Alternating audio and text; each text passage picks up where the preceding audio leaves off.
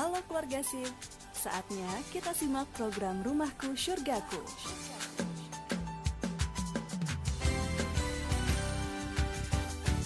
Rumahku Surgaku bersama Ustadz Ali Margosin, seorang praktisi keluarga bahagia.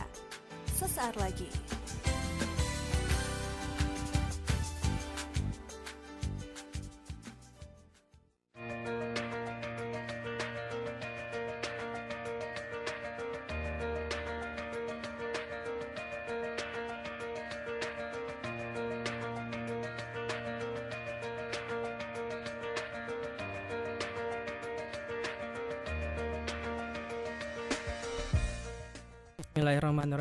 Assalamualaikum warahmatullahi wabarakatuh.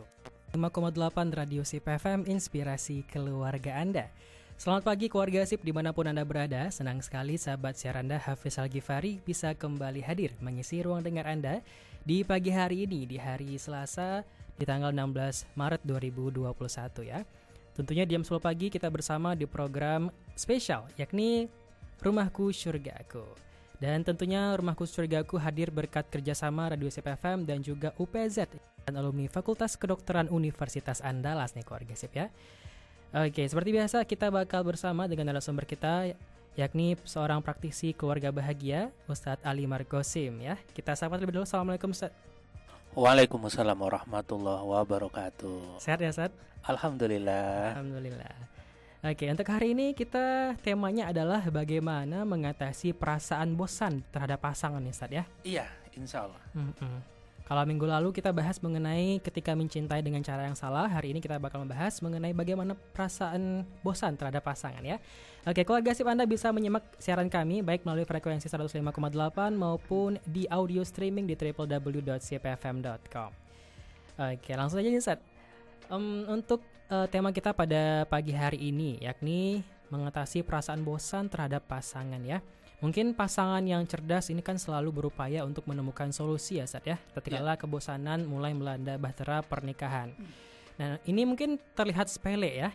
Namun ketika diabaikan dan atau tidak ditemukan solusinya, ini akan berdampak buruk terhadap kelanggengan pernikahan itu sendiri. Sebelum kita masuk ke inti tema kita pada pagi hari ini, Sat. Hafiz pengen tahu lebih dalam nih, Sat. Menurut Ustadz, bosan itu sendiri apa sih, Sat? Ya, eh, assalamualaikum warahmatullahi wabarakatuh. Keluarga sip yang dirahmati Allah Subhanahu Wa Taala.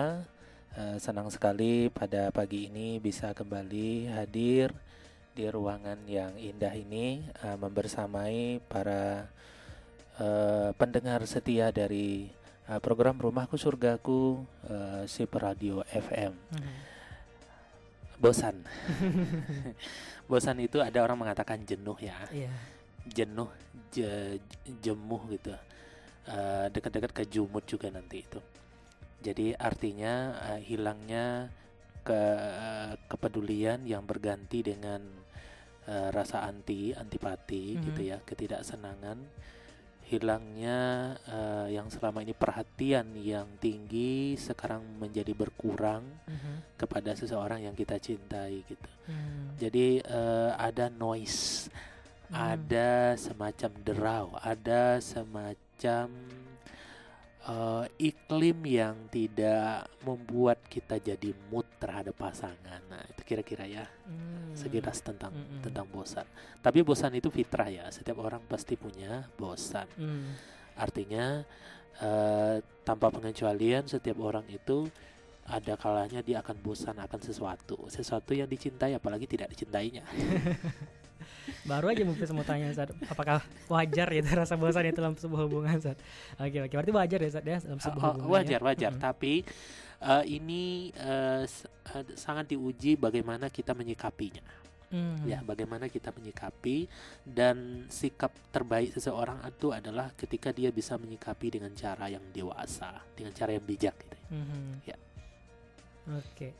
Hmm, mungkin juga ada di luaran sana nih Sat pasangan-pasangan yang mungkin yang sudah menikah puluhan tahun. Terus em, seperti kita bahas sebelum-sebelumnya Sat eh, dulunya di awal pernikahan rom- romantis, terus em, masih sayang-sayangan. Setelah 10 tahun atau 15 tahun pernikahan mulai mulai nih. Mulai capek. Terus melihat pasangan kadang lu lagi lu lagi gitu ya saatnya nah uh, mungkin salah satu yang membuat kita bosan itu adalah dengan mungkin monoton mungkin kali ya Sat ya. Iya, ya. Monoton dengan hal yang kita lakukan itu-itu mulu. Nah, supaya kita dengan pasangan itu nggak monoton, caranya gimana sih Sat? Atau ya. langsung masuk Sat? Kenapa dan bagaimana cara kita mengatasi rasa bosan kepada pasangan? Iya. Jadi seperti yang sudah kita sampaikan sebelum-sebelumnya pada tema-tema episode sebelumnya itu bahwa uh, seorang pecinta sejati itu selalu belajar, selalu mengupgrade kemampuannya, wawasannya, sokofahnya mm -mm. Untuk terus berbenah menjadi lebih baik. Itu kata kuncinya. Jangan pernah merasa sudah baik atau sudah menjadi yang terbaik. Tapi teruslah belajar, belajar, belajar. Dengan kita terus belajar, maka kebaikan kita tidak terputus. Orang yang sudah berhenti belajar, maka kebaikan kontribusi dari dirinya itu akan terputus. Nah, ketika kebosanan melanda dalam rumah tangga kita, maka keluarga sip yang berbahagia mm -hmm. ada setidaknya tiga tips yang ingin saya sampaikan agar kebosanan ini tidak menjadi sebuah malapetaka dalam rumah tangga. Jangan sampai rumah kita yang kita inginkan, yang kita idam-idamkan menjadi rumahku, keluar surgaku gitu sesuatu tempat yang sangat menyejukkan bagi kita gitu ya. Hmm. Uh, sebelum saya menyampaikan tiga tips ini nih, uh, saya teringat sekali ada sebuah uh, ungkapan dari khalifah kita yang keempat, Imam Ali bin Abi Thalib mengatakan ketika beliau mengomentari sebuah doa, Rabbana atina fid dunya hasanah wa fil akhirati hasanah wa qina adzabannar. Kata beliau fit dunia hasanah itu kebaikan di dunia itu adalah uh, istri yang solehah. Nah istri yang solehah kemudian wafil akhirati hasanah dan kebaikan di akhirat itu adalah surga. Jadi uh, ibu-ibu jadilah istri yang solehah agar rumahnya menjadi surga. Ya kan? Nah bapak-bapak bertugas bagaimana menjadikan istrinya menjadi istri yang solehah. Sehingga kita betul-betul merasakan hadirnya surga dalam kehidupan di dunia ini dan kelak di akhirat menjadi wasilah juga bagi kita meraih surganya Allah Subhanahu wa taala. Ya, surga yang mulai dari Al-Firdaus hingga Jannatul Ma'wa. Uh, ada tiga tips. Tips yang pertama untuk uh, mengatasi rasa kebosanan ini, perasaan bosan terhadap pasangan ini, itu yang pertama adalah uh, membangun komunikasi yang berlanjut terus-menerus secara efektif. Hmm, lagi-lagi komunikasi nih ya? Komunikasi, ya? komunikasi itu penting. Iya. Jadi seorang suami perlu bertanya kepada istrinya apa yang disukai oleh bidadarinya tersebut. Nah, seorang istri juga perlu bertanya apa yang disukai dan yang tidak disukai oleh imamnya tersebut. Mm-hmm. Ya, apa yang disukai dan apa yang tidak disukai. Dua itu perlu ditanyakan. Suami bertanya kepada istri, istri bertanya kepada suami. Dengan demikian kita mengetahui, memahami dan nanti akan mengaplikasikan dalam kehidupan sehari-hari. Oh ternyata, ternyata suami saya nggak suka ini, mm-hmm. nggak suka masakan ini, nggak suka saya berpakaian seperti ini, yang warnanya begini nggak suka. Gak suka warna yang gelap-gelap contohnya. Sukanya yang terang-terang. Oh ternyata istri saya saya suka memakai pakaian yang agak-agak kalem gitu ya. Hmm. uh, terlihat berwibawa gitu hmm. tidak tampil seperti anak-anak di rumah kita contohnya seperti itu ya. Jadi kita paham apa selera dari pasangan kita. Dan itu baik bagi kita hmm. ya kan? Dalam rangka menjaga keharmonisan dalam rumah tangga itu satu. Yang kedua adalah creativity ya. Creativity uh, kreativitas ini untuk mencegah monoton. Monoton dalam berperilaku dalam perbuatan kita itu penting sekali untuk kita cegah. Jangan sampai monoton. Harus ada kreativitas. Kreativitas pertama dalam hal penampilan. Pakaian yang kita pakai gitu ya. Uh, kalau bagi suami potongan rambutnya bagaimana? Mhm. Kalau dia punya jenggot, jenggotnya ditata dengan bagus, Mhm. tetap terlihat indah, sunnah dapat ya kan, pahalanya Mhm. dapat, penampilannya juga indah. Bukankah Allah Subhanahu wa taala itu menyukai keindahan, ya Betul, kan? betul. Innallaha yuhibbut tawabina wa yuhibbul mutatahhirin. Allah itu suka orang-orang yang membersihkan diri, memperbaiki diri, ya kan? Eh, bertobat kepadanya, tampil lebih baik, Allah tuh suka. Karena Allah tuh maha indah dan dia Mhm. mencintai keindahan. Iya. Nah, itu. Kemudian eh, seorang suami perlu juga memperhatikan kebersihan, contohnya kebersihan dari eh, giginya, bau badannya dan segala macam, ya kan? Eh, itu perlu dia perhatikan, ya kan?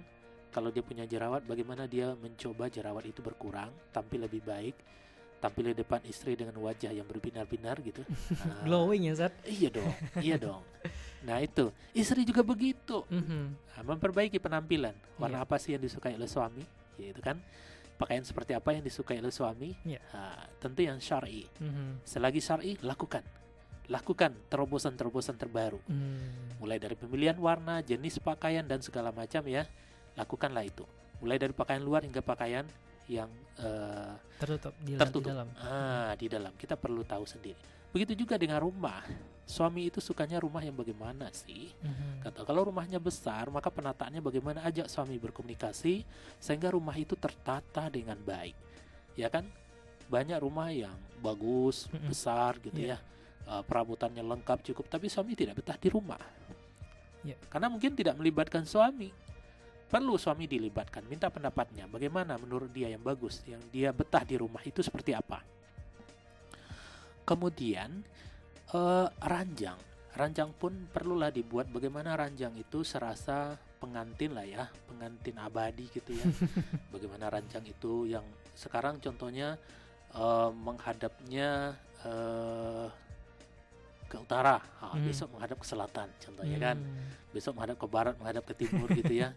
Warnanya sekarang pink contohnya. Nah, Ya. besok dibikin warna hijau kayak ya kan atau eh, warna warna yang yang disukai oleh pasangan kita. Iya. Mhm. Termasuk juga parfum di dalamnya pencahayaan segala macam gitu ya. Mhm. Anak-anak kalau masih usianya mungkin satu tahun oke lah sekamar dengan kita, tapi kalau dia sudah usia dua tahun ke atas atau tiga tahun maka dia dipisahkan buat kamar sendiri. Sehingga kita punya privasi privasi di sana.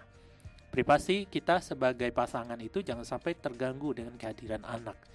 Dan tetap tidak mengabaikan kewajiban kita sebagai orang tua terhadap anak. Jadi itu penting keluarga sip. Ah, itu yang pertama. Kemudian juga dari selera makan. Contohnya ya Hmm. mah suami itu senangnya makannya seperti apa sih gitu ya Oh ternyata kalau suami saya itu sukanya yang agak terasa sedikit garamnya. Contoh dia nggak suka yang hambar-hambar. Mhm. dia suka yang eh, yang agak santannya agak kental contohnya. Oh Mhm. dia nggak suka santan contoh seperti itu. S- istri tentu paham hal-hal demikian. Kemudian kreativitas itu adalah bagaimana kita menyambut kedatangan suami ketika dia datang dari pulang kerja pulang kantor contohnya kan. Ah, yang biasanya biasa-biasa saja sekarang kita tampil assalamualaikum waalaikumsalam wahai eh, malaikatku. Disebut sebut apalah imamku ya kan? Apa kabar? Sehat ya Hmm, kan? Dibukain pintu ya kan? Dijinjing tangannya duduk diambilin air Mhm. minum ya kan? Ah, jangan tanya macam-macam dulu tanya kabarnya aja sudah. Jangan Mhm. tanya tentang pekerjaan. Ambilin air minum kalau dia mau mandi ambilin handuk itu kan? Disiapin makanan dengan wajah yang fresh eh, mimik kita yang menyenangkan. Wah, itu luar biasa sekali luar biasa sekali. Iya, iya, itu harus ada kreativitas. Yang Mhm. biasanya mungkin hambar Iya. datang ketika suami pulang dari kantor disambut dengan wajah ngelombrot tahu ngelombrot iya. Udah cemberut aja ya Sat ya. Ya mungkin cemberut juga bisa ya dinamakan atau disebut juga ini eh, menyebalkan Oh. Ah, iya, ngelombrot itu menyebalkan gitu iya. ya. Mhm. Nggak boleh begitu kita harus berubah hijrah dari yang Mhm. kurang baik jadi baik ya kan Iya. dari yang buruk menjadi pelayanan yang lebih baik Mhm. seperti itu. Jadi harus ada kreativitas. Oke deh. Bagi yang suka mungkin eh, film-film drakor ya, drama Korea, saya kira penting juga nonton drakor itu positifnya juga bagus. Yang Mhm. tidak bagusnya bagaimana? Drakor melulu, Mhm. ya kan? Dalam Iya. seminggu, waduh waktunya habis untuk drakor, nggak sempat lagi ngurus rumah segala macam. Nah, Itu nggak bagus. tidur nggak ngurus ma- eh, Tapi suami ya Ustaz ya Iya, Hmm. tapi sekali sebulan, contohnya Iya. sekali dua bulan, tonton berdua saja dengan dengan suami, gitu ya. Mm-mm. Contohnya di kala rembulan datang di tengah malam, gitu ya, jam-jam 10 rembulan udah terlihat keluar dong, bawa tikar gitu, Hmm. duduk berdua bersandaran di kursi berdua, contohnya tuh tidur tiduran bawa bantal, lihat tuh rembulan berdua, Ah, berceritalah Wah. tentang masa lalu, harapan impian ke depan, apa yang akan kita lakukan, di sana kita bercerita, ya kan? Eh, saling eh, take and give ya kan? Mhm. take and give. Kita terima apa keluhan-keluhan dari pasangan kita mungkin masalah-masalahnya gitu kita dengarkan dengan baik jadi pendengar yang baik begitu juga dengan istrinya Mhm. itu kan bagus sekali Romantisnya Bagus dapat ya. Zat, ya. romantisnya dapat murah meriah itu Iya. kan tidak perlu biaya betul anak-anak tidur kita bebas Mhm. gitu jadi kreativitas seperti itu penting bagi bagi pasangan eh, suami istri yang sudah menjalani rumah tangga itu mungkin tiga tiga tahun ke atas atau lima tahun ke atas. Itu perlu kreativitas. Yang jadi persoalan adalah eh, cinta itu tidak bertumbuh, tapi justru dia itu berkurang. Ini jadi masalah Mhm. ya kan sementara usia pernikahan terus bertambah cara kita eh, menatap eh, pernikahan itu itu justru tidak bertambah tapi malah berkurang Mhm. ini yang tidak bagus yang tidak bagus sepertinya teruslah kita belajar mungkin di awal-awal kita tuh adalah eh, murid TK ya besoknya kan murid SD ya kan naik dong. Iya. SD SMP SMP Mhm. SMA SMA kuliah naik Iya. gitu. Tidak berturun tidak tidak menurun tapi naik. Mhm. nah keluarga sip yang berbahagia. Nah itu yang kedua kreativitas ya. Kreativitas itu perlu dibicarakan juga dengan pasangan Nah, Oke. doi doi senangnya bagaimana nih gitu ya apa yang kita lakukan nih yang murah meriah banyak di Padang saja banyak sekali tempat-tempat indah yang bisa dikunjungi dengan biaya yang murah meriah gitu kan Oke. Kemudian yang ketiga Oke, adalah Sat. Bentar, Sat. Hmm, Kita oke. tahan dulu, Sat ya. Oke. Kita dua poin dulu, Sat ya. Pertama tadi membangun komunikasi, yang kedua adalah komuni- eh, kreativitas ya, Sat ya. Iya. Oke, untuk poin berikutnya keluarga sip nanti kita bakal bahas di segmen berikutnya.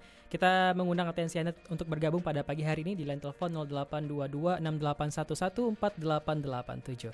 Silakan kirimkan pertanyaan Anda melalui WhatsApp ke nomor tersebut ya. Nanti kita bakal balik lagi setelah yang satu ini tetap bersama kami di Rumahku Surgaku. Radio Sip FM.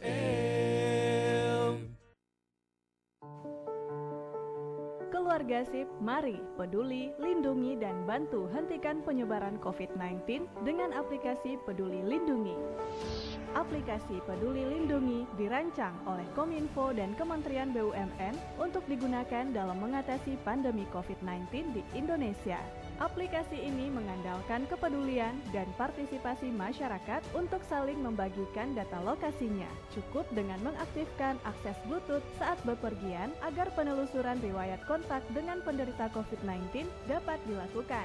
Anda juga akan dihubungi oleh petugas kesehatan jika Anda pernah berada dalam jarak tertentu dengan penderita COVID-19 positif, PDP, dan ODP. Pastikan aplikasi Peduli Lindungi aktif saat Anda bepergian dan berada di fasilitas umum seperti di bus, kereta, saat rapat, atau di pusat keramaian. Lindungi diri dan keluarga Anda dengan mengunduh aplikasi Peduli Lindungi melalui Play Store atau Apple Store. Partisipasi Anda sangat berarti untuk menghentikan penularan virus corona di Indonesia. Aplikasi Peduli Lindungi didukung oleh Kementerian Komunikasi dan Informatika, Kementerian Kesehatan, Kementerian BUMN, dan Badan Nasional Penanggulangan Bencana. Alhamdulillah dapat rejeki. Dinda, nanti aku traktir makan siang ya. Mau makan apa ya? Masya Allah, baik sekali kamu. Tapi maaf, siang ini aku nggak makan. Loh, loh, loh. Kenapa? Diet? Bukan, aku lagi puasa. Cie, selehahnya. Aku tuh lagi bayar utang puasa Ramadan tahun lalu. Ramadan kan bentar lagi, Ci. Iya ya, aku baru ganti sehari tuh. Ah, tapi ntar aja deh, pas udah deket-deket Ramadan. Um, emang kamu bisa jamin besok masih hidup? Ih, kok gitu ngomongnya? Orang kita masih muda kok, masih lama kali. Ya kan kita nggak tahu ajal datangnya kapan. Hutang sama manusia aja kita was-was, apalagi hutang sama Allah. Hitungannya berat, Ci. Oh no. Keluarga sip, kode puasa tetap wajib ditunaikan sesuai dengan firman Allah Subhanahu wa taala. Dan barang siapa sakit atau dalam perjalanan lalu ia berbuka, maka wajiblah baginya berpuasa sebanyak hari yang ditinggalkannya itu pada hari-hari yang lain. Quran Surat Al-Baqarah ayat 185 juga berdasarkan hadis dari Aisyah radhiyallahu anha yang diriwayatkan oleh Imam Muslim. Kami dulu mengalami haid, kami diperintahkan untuk mengkodo puasa dan kami tidak diperintahkan untuk mengkodo sholat. Nah, oleh karena itu, bagi yang dulunya tidak puasa Ramadan karena haid, karena safar, atau alasan lainnya dan belum melunasi hutang puasanya sampai saat ini, maka segeralah tunaikan. Jangan sampai menunda-nunda. Pesan ini disampaikan oleh Radio CPFM. Hei kamu, iya kamu. Ayo kita sama-sama terapkan 3M Selalu menggunakan masker ketika berada di luar rumah. Ingat ya, sebelum menggunakan masker, cuci tangan dengan sabun di air yang mengalir atau gunakan hand sanitizer. Kemudian, pastikan bagian hidung dan mulut tertutup dengan baik tanpa ada celah di antara wajah dan masker. Pastikan juga tetap menjaga jarak dengan orang sekitar 1 hingga 2 meter loh ya. Ingat 3M, memakai masker, mencuci tangan pakai sabun dengan air mengalir, serta menjaga jarak. Jangan kendor, tetap laksanakan protokol kesehatan di mana pun, kapan pun. Aku, kamu, dan kita semua. Pesan ini disampaikan oleh Dinas Kesehatan Provinsi Sumatera Barat.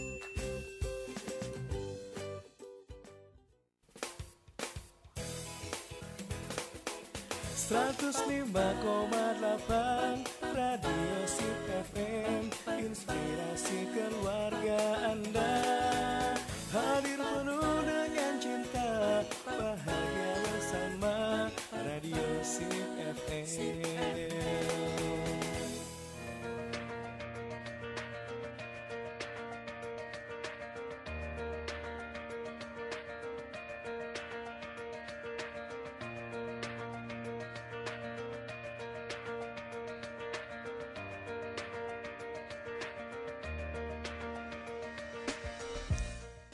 105,8 Radio Sip FM Inspirasi Keluarga Anda. Bersama kami keluarga Sip di Rumahku Surgaku Wujudkan keluarga idaman dan bahan kita semua.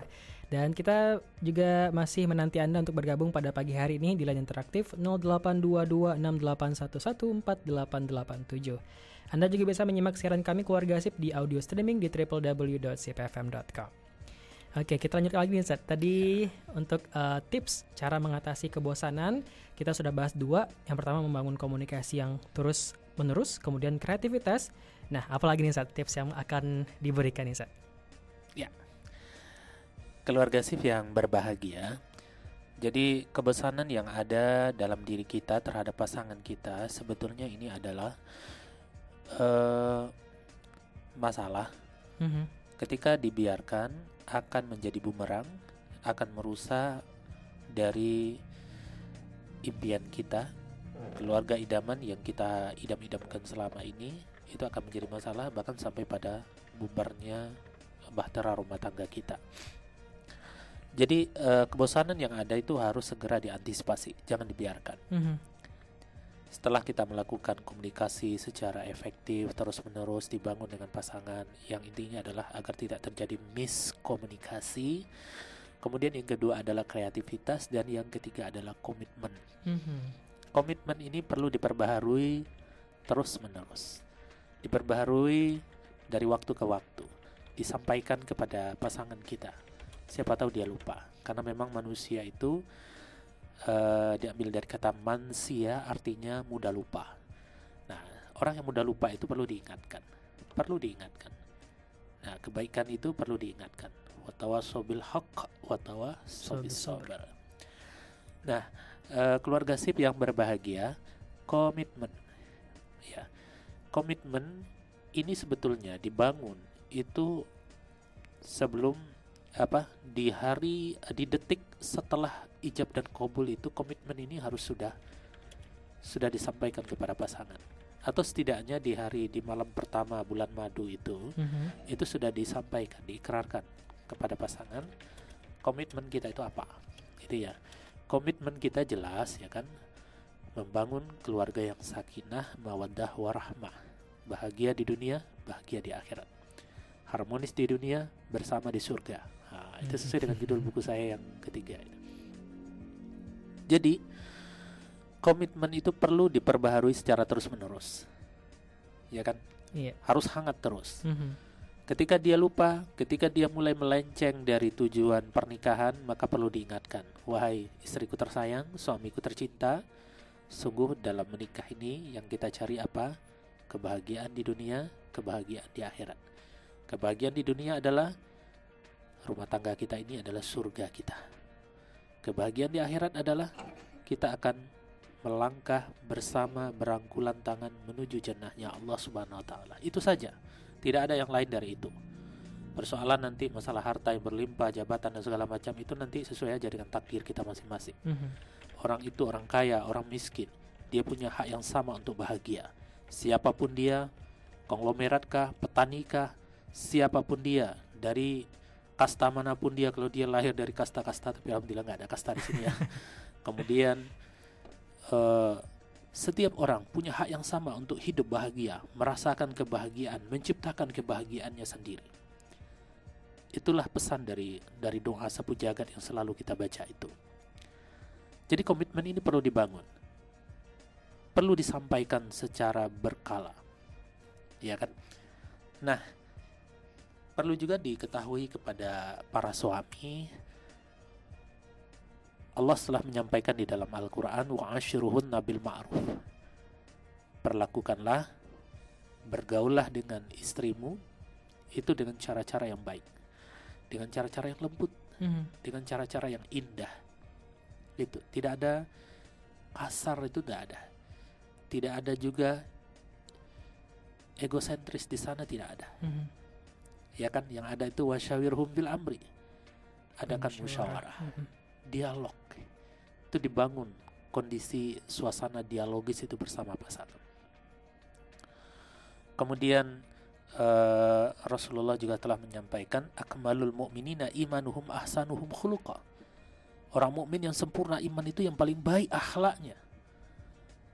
Wa khiyaruhum khiyaruhum ya kan? Dan yang paling baik akhlaknya itu ya kan di antara mereka yang paling baik akhlaknya itu walinisaihim yang paling baik terhadap pasangan Mhm. terhadap istrinya. Jadi eh, istri yang tercipta dari tulang rusuk kita itu ya, Mhm. kalau kita keras maka dia akan patah, tidak bisa diluruskan maka dia akan patah. Tapi ketika kita biarkan dia akan tetap bengkok. Lalu bagaimana caranya? Kita terus berupaya menjadikannya dia lebih baik, menjadikan dia wanita yang soliha tanpa putus asa, tanpa henti, Mhm. gitu. Ya kan, secara lemah lembut itu maksudnya. Ini juga masuk jihad nih Ustaz ya, jihad oh iya, ini pernikahan jihad, ini Mhm. jihad, ini Mhm. jihad itu. Jadi keluarga sip yang dirahmati oleh Allah Subhanahu wa taala. Eh, saya teringat ada sebuah kisah yang menarik Mhm. dulu di zaman eh, Khalifah Umar ibnu Khattab. Mhm. Jadi eh, ceritanya begini, datang seorang istri, Ya. Ah, dia menemui Khalifah, wahai Khalifah, tolong cerai, saya menuntut atas Mhm. suami saya cerai. Kaget dah kali. Kaget dong. Ini istri minta cerai, gitu kan? Iya. Terus Khalifah terdiam. Mana suamimu? Tuh di belakang. Ah. Dia lihat si suami ini dibawanya ke dalam. Terus apa yang dilakukan oleh Khalifah Umar? Aha, Yang dilakukan adalah rambut suami ini yang gondrong aha. itu dipotong, Dirapikan. Mhm. kumisnya dipotong, Mhm. jenggotnya dirapikan, Mhm. kemudian kuku-kukunya dipotongnya ya kan dirapikan kuku kaki kuku tangan gitu ya. Iya iya. kemudian yang ada lubang-lubang yang ada kotorannya dibersihkan semua. Mhm, termasuk gigi mungkin yang sudah berapa tahun nggak digosok itu dibersihkan semua. Mhm. kemudian wajahnya itu di facial apa namanya? Iya di facial ada. di facial gitu ya. Ah, kemudian setelah selesai mandi Mhm, ya kan dikasih baju yang bagus ya kan? Dikasih sorban yang bagus ya dikasih parfum. Parfum terbaik yang pernah dipakai oleh Rasulullah itu kemudian ditatar ditatar untuk tampil tersenyum yang baik yang Hmm. indah gitu ya berbicara yang baik nah beberapa jam kemudian keluarlah si lelaki ini. Ah, disuruh duduk dekat istrinya, ini heeh. apa yang terjadi istrinya ini nggak kenal Oh. nggak kenal salah satu tanda dia tidak kenal Aha. ya kan dia menjaga jarak dari lelaki ini. Iya. ya kan? Ah, Mm-mm. ini bukan murim saya. Iya. ya kan? Bukan suami bukan murim. Dia menjaga jarak menjauh. Gitu kan? Terus Khalifah Umar berkata dia adalah suamimu yang tadi. Apa yang terjadi? Si istri ini terpanah. Yang di awal-awal dia itu dengan menggebu-gebu minta diceraikan. Cerai-cerai Mm-mm. sementara si suami ini nggak mau menceraikan gitu kan? Iya. dengan melihat penampilan suaminya ya kan suami ini juga eh, dengan tatapan yang berbinar-binar gitu kan Mhm. melihat ke istrinya ya kan mereka mengejar dia mengejar suaminya lalu dipeluknya Hmm. lalu apa yang terjadi batal cerai jadi eh, ini penting Mhm. bagi para suami tidak hanya para istri suami saja itu perlu memperbaiki penampilan Mhm, Iya. Bagaimana dia tetap tampil lebih baik seperti yang diinginkan oleh istrinya. Kalau istrinya itu senang, ya kan rambutnya pelontos mungkin botak kayak Michael Jackson, eh, kayak kayak Mike Tyson gitu ya. Iya. Iya, iya suami lebih baik rambutnya seperti itu. Hmm. Atau si si istri pengen eh, suaminya ini badannya kekar, Mhm. ya cobalah suami ini ya kan berupaya bagaimana badannya kekar, rajin olahraga gitu Iya. kan. Mhm. Nah, nge-gym apa game apa Gym. ah, gym ya kan Mhm. Ah, gitu. I- apalagi istri. Mhm. Istri ini wa iza nazara 'alaiha sarrathu. Ini kewajiban bagi seorang istri. Mhm. Jika dipandang oleh suaminya itu menyenangkan. Membuat mata suami berbinar-binar. Bahagia. Maka istri juga begitu. Kalau berat badannya sudah mencapai 90% eh 90 kilo contohnya, Iya. maka dia harus berupaya bagaimana turun Mhm. menjadi ideal. Iya. Ya kan? 55 kilo lah. Mhm. 50 sampai 55 kilo itu berat ideal seorang perempuan. Bagaimana caranya seperti itu? Maka dia harus diet. Maka dia harus melakukan upaya pola-pola makan, pola tidur semuanya ditata dengan baik. Itu penting. Itu jihad seorang istri Ya. agar bisa tampil maksimal di depan seorang di depan suaminya. Benar. Kalau kegemukan bagaimana dia bisa tampil menyenangkan, enak dipandang mata. Kemudian kalau ada gangguan-gangguan di pipinya, maka dia harus berupaya bagaimana caranya itu hilang. Enak dilihat. Iya kan? Kalau yang biasanya sekali setahun aja nggak pernah ke salon, Mhm. sekarang cobalah ke salon. Mungkin empat kali dalam setahun atau 10 kali setiap bulan ke salon lah. Wah. Tidak apa-apa. Dompet Tidak apa-apa. Sesuaikan saja dengan ketebalan Keuangan. dompet suami. Ya kan? Iya. Itu penting Mhm.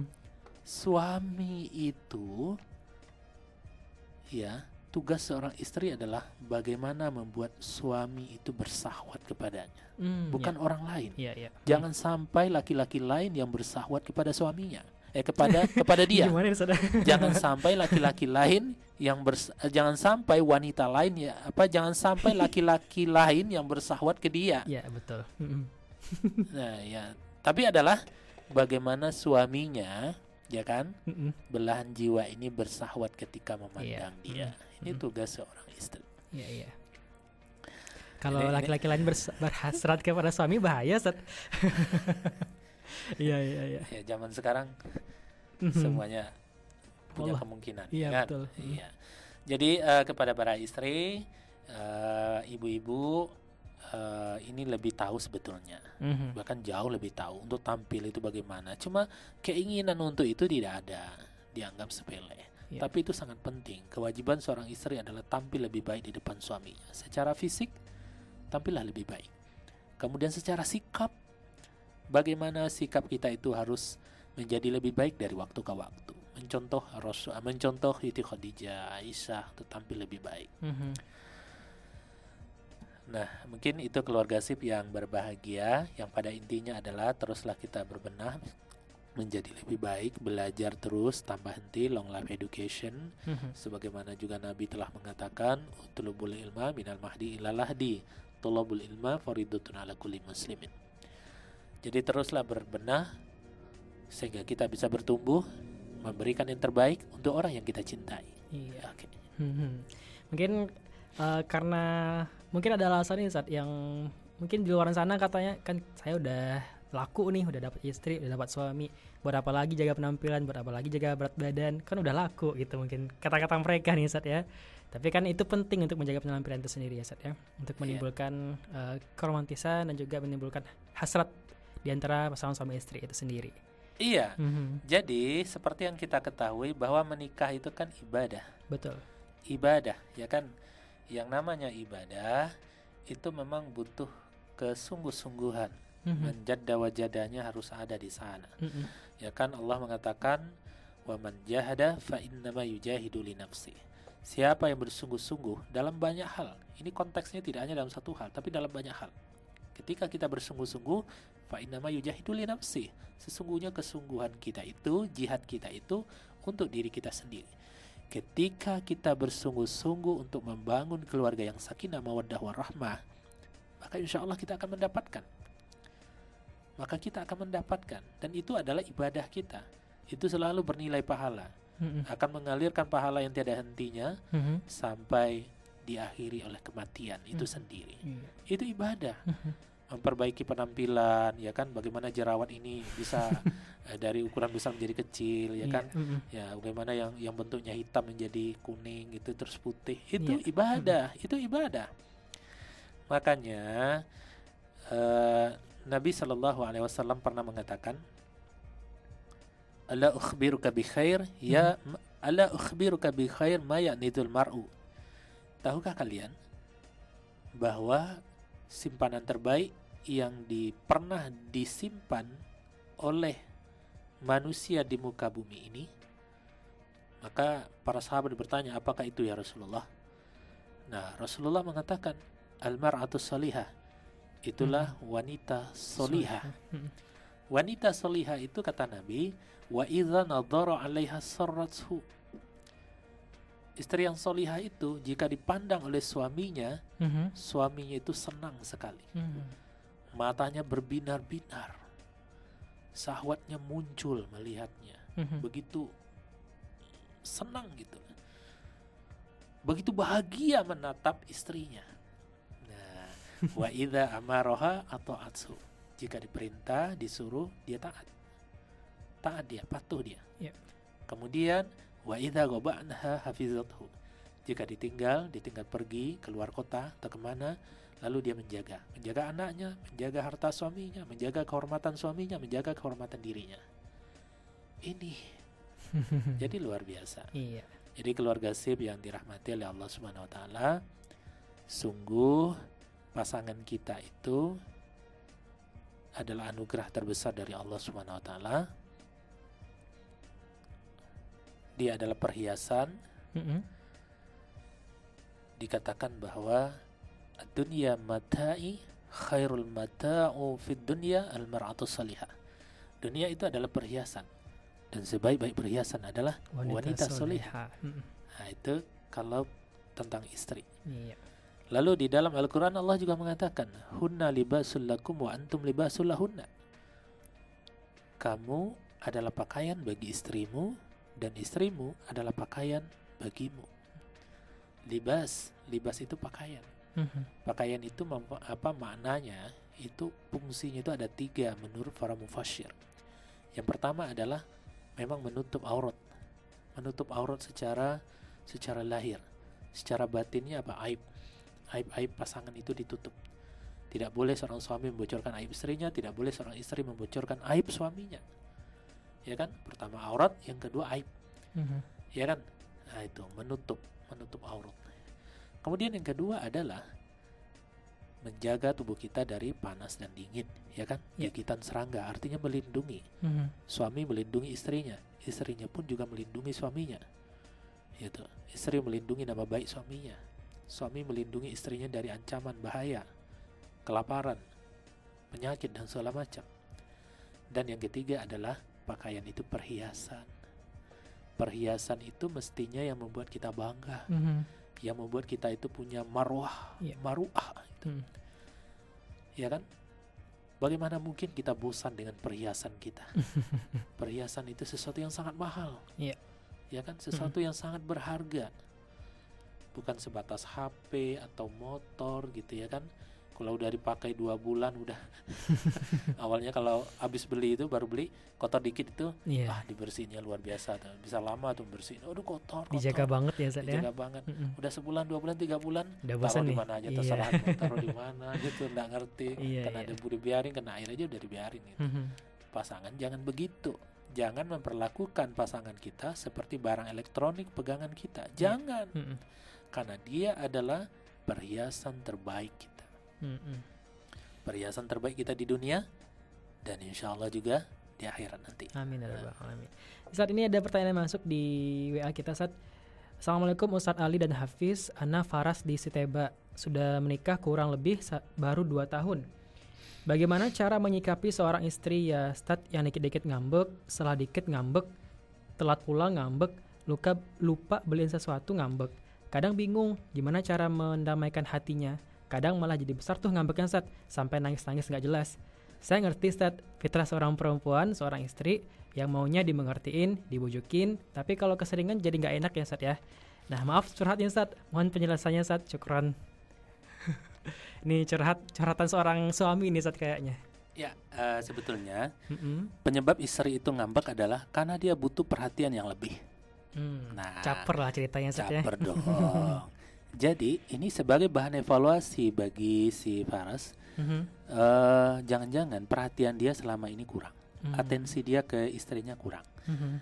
Artinya dia terlalu formal di dalam pernikahan, terlalu Hmm, kaku, iya, fleksibel saja. Nah, ini ada sebuah pesan menarik Mhm. dari seorang khalifah kita, Iya. Umar ibnu Khattab. Dia Mhm. mengatakan begini, catat nih ya, Hafiz. Ya, Ustadz. Ah, ini modal buat Hafiz juga ini. Oke, Ustadz. Jadi, jadi kata Ibnu Khattab, Aha. Jadilah kamu anak TK di depan istrimu. Mm-mm. Apa maknanya? Anak TK itu dia sangat manja. Iya kan? Iya. Dia sangat caper. Cari perhatian. Mm-mm. Dia butuh perhatian yang lebih. Dia butuh apresiasi. Dia butuh penghargaan. Iya. Ya kan? Mm-mm.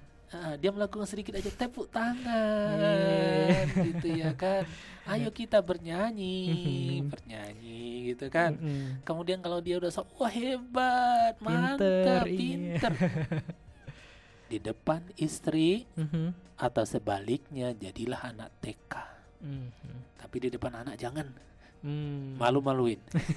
Ih papa kok udah gede manja-manja gitu ya. Jadi begitu. Jadi eh, sebagai evaluasi yang pertama adalah mungkin perhatian masih kurang. Iya. Perhatian masih kurang selama ini, atensi masih kurang, kita masih kaku, kita menganggap ah saya pemimpin. Seorang Mhm. pemimpin itu adalah orang yang menjaga wibawanya terhadap bawahannya Mhm. gitu. Kita tuh di dalam rumah tangga tidak begitu. Mhm. Tidak bukan atasan, bukan kita jangan Iya. memperlakukan diri kita seperti atasan dan bawahan. Mhm. Tidak bisa. Hmm. Ya ya. Istri kita itu bukan bukan bawahan kita, Iya. ya kan? Suami juga bukan atasan, Mhm. bukan. Kita itu adalah sepasang couple, Hmm. ya kan? Betul. Nah, bersama-sama dalam rangka meraih ridho Allah. Gimana nih rumah jadi surga nih? Perlu kerjasama, perlu musyawarah, gitu Mhm. kan? Ya. Kemudian, eh lagi-lagi nih ego sebetulnya seorang suami ini eh eh, merasa wibawanya turun ketika eh, dia mengalah, Mhm. minta maaf terlebih dahulu, Mhm. ya kan? Iya. Memulai, Ini biasanya begitu. Nah, mindset seperti ini perlu dirubah, perlu dirubah. Mhm. Cobalah kita untuk mengalah. Cobalah kita pertama kali meminta maaf, Mhm. sekalipun yang salah istri itu kita tahu. Ayang bebek, Hmm. ya saya minta maaf ya, maaf Iya. lupa beliin maklum kerja di kantor banyak ini ini dan segala macam doain ya ke depannya bisa lebih baik begitu setelah itu dia nanti akan sadar malah dia yang minta maaf berkali-kali begitu caranya jadi kita dulu yang membuka pintu Mhm. ya kan Ya. maka dia akan masuk ke dalam hati kita itu kemudian kalau istri lagi ngambek kalau saya pribadi itu gampang banget solusinya Gimana tuh, Sat? sebetulnya istri itu kan butuh perhatian yang lebih Mhm. Kita datangi dia disapa dengan baik kemudian kalau dia masih ngambek minta maaf kemudian sebetulnya dia membutuhkan bahu kita untuk bersandar Hmm. peluklah dia Mhm. demikian ya Gitu ya, udah Faras ya. Ya. Semoga menjawab pertanyaan yang tadi. Jadi jadi kalau udah punya istri, cobalah untuk jadi anak TK ya, Sat ya. Oke. Baiklah, Sat, udah hampir juga nih di penghujung waktu kita pada pagi hari ini. Dan mungkin sebelum kita tutup ada closing statement terlebih dahulu, Sat. Silakan, Sat.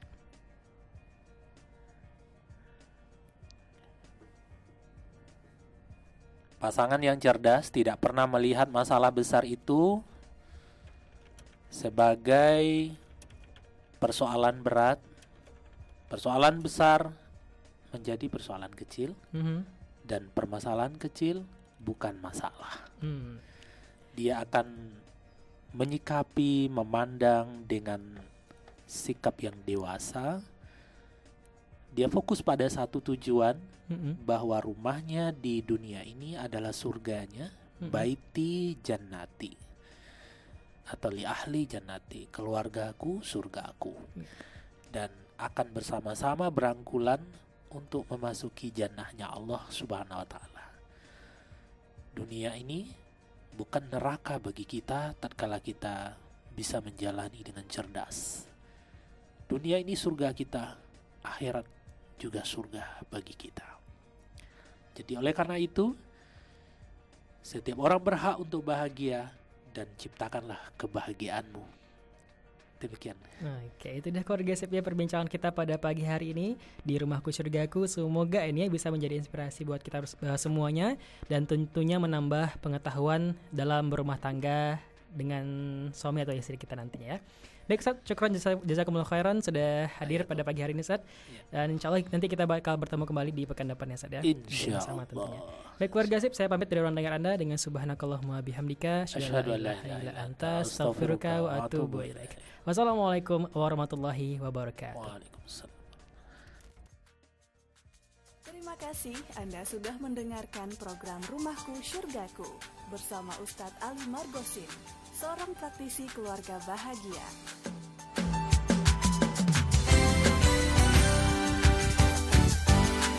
Rumahku Surgaku, kerjasama Radio Sip FM dan UPZ Yayasan Alumni Fakultas Kedokteran Universitas Andalas.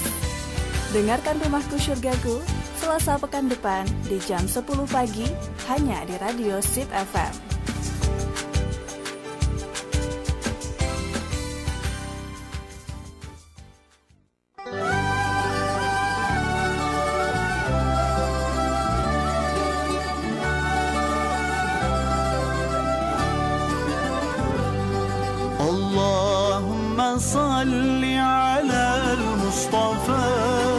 حبيبنا محمد عليه السلام. اللهم صل على المصطفى.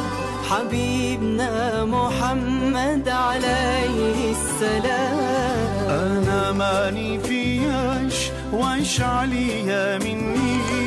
نقلق من رزقي لاش والخالق يرزقني. أنا مالي فيهاش واش عليا مني. نقلق من رزقي لاش والخالق يرزقني. الله الله الله.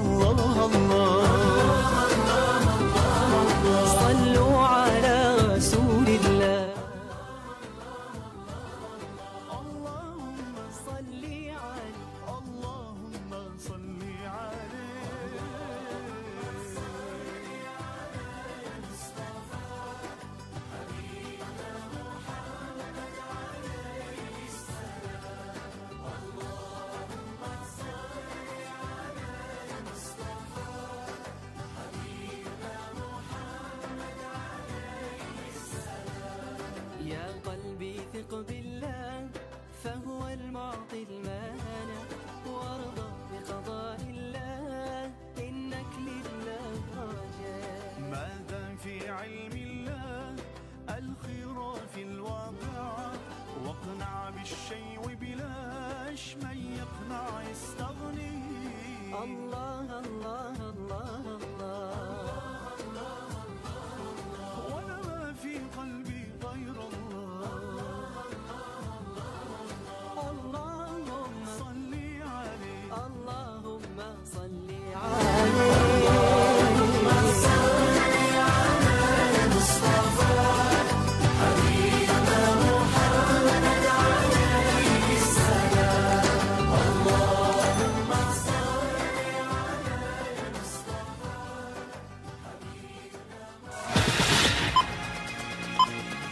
Waktu sudah menunjukkan jam 11 siang waktu Indonesia Barat.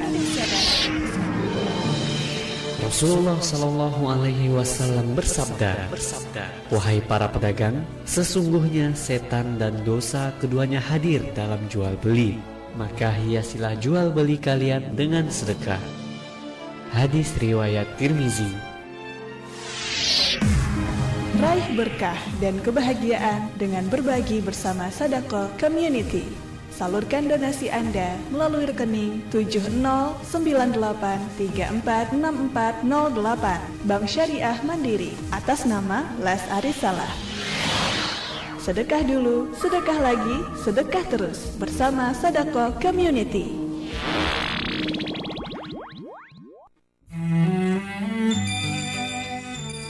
Fakhruddin Ar-Razi, seorang ulama, pernah berkata, Dunia adalah taman indah yang dihiasi oleh lima macam hiasan, yaitu bergunanya ilmu para cerdik cendikia, keadilan para pemimpin, ibadahnya para ahli ibadah, amanahnya para pedagang, serta jujurnya para saudara.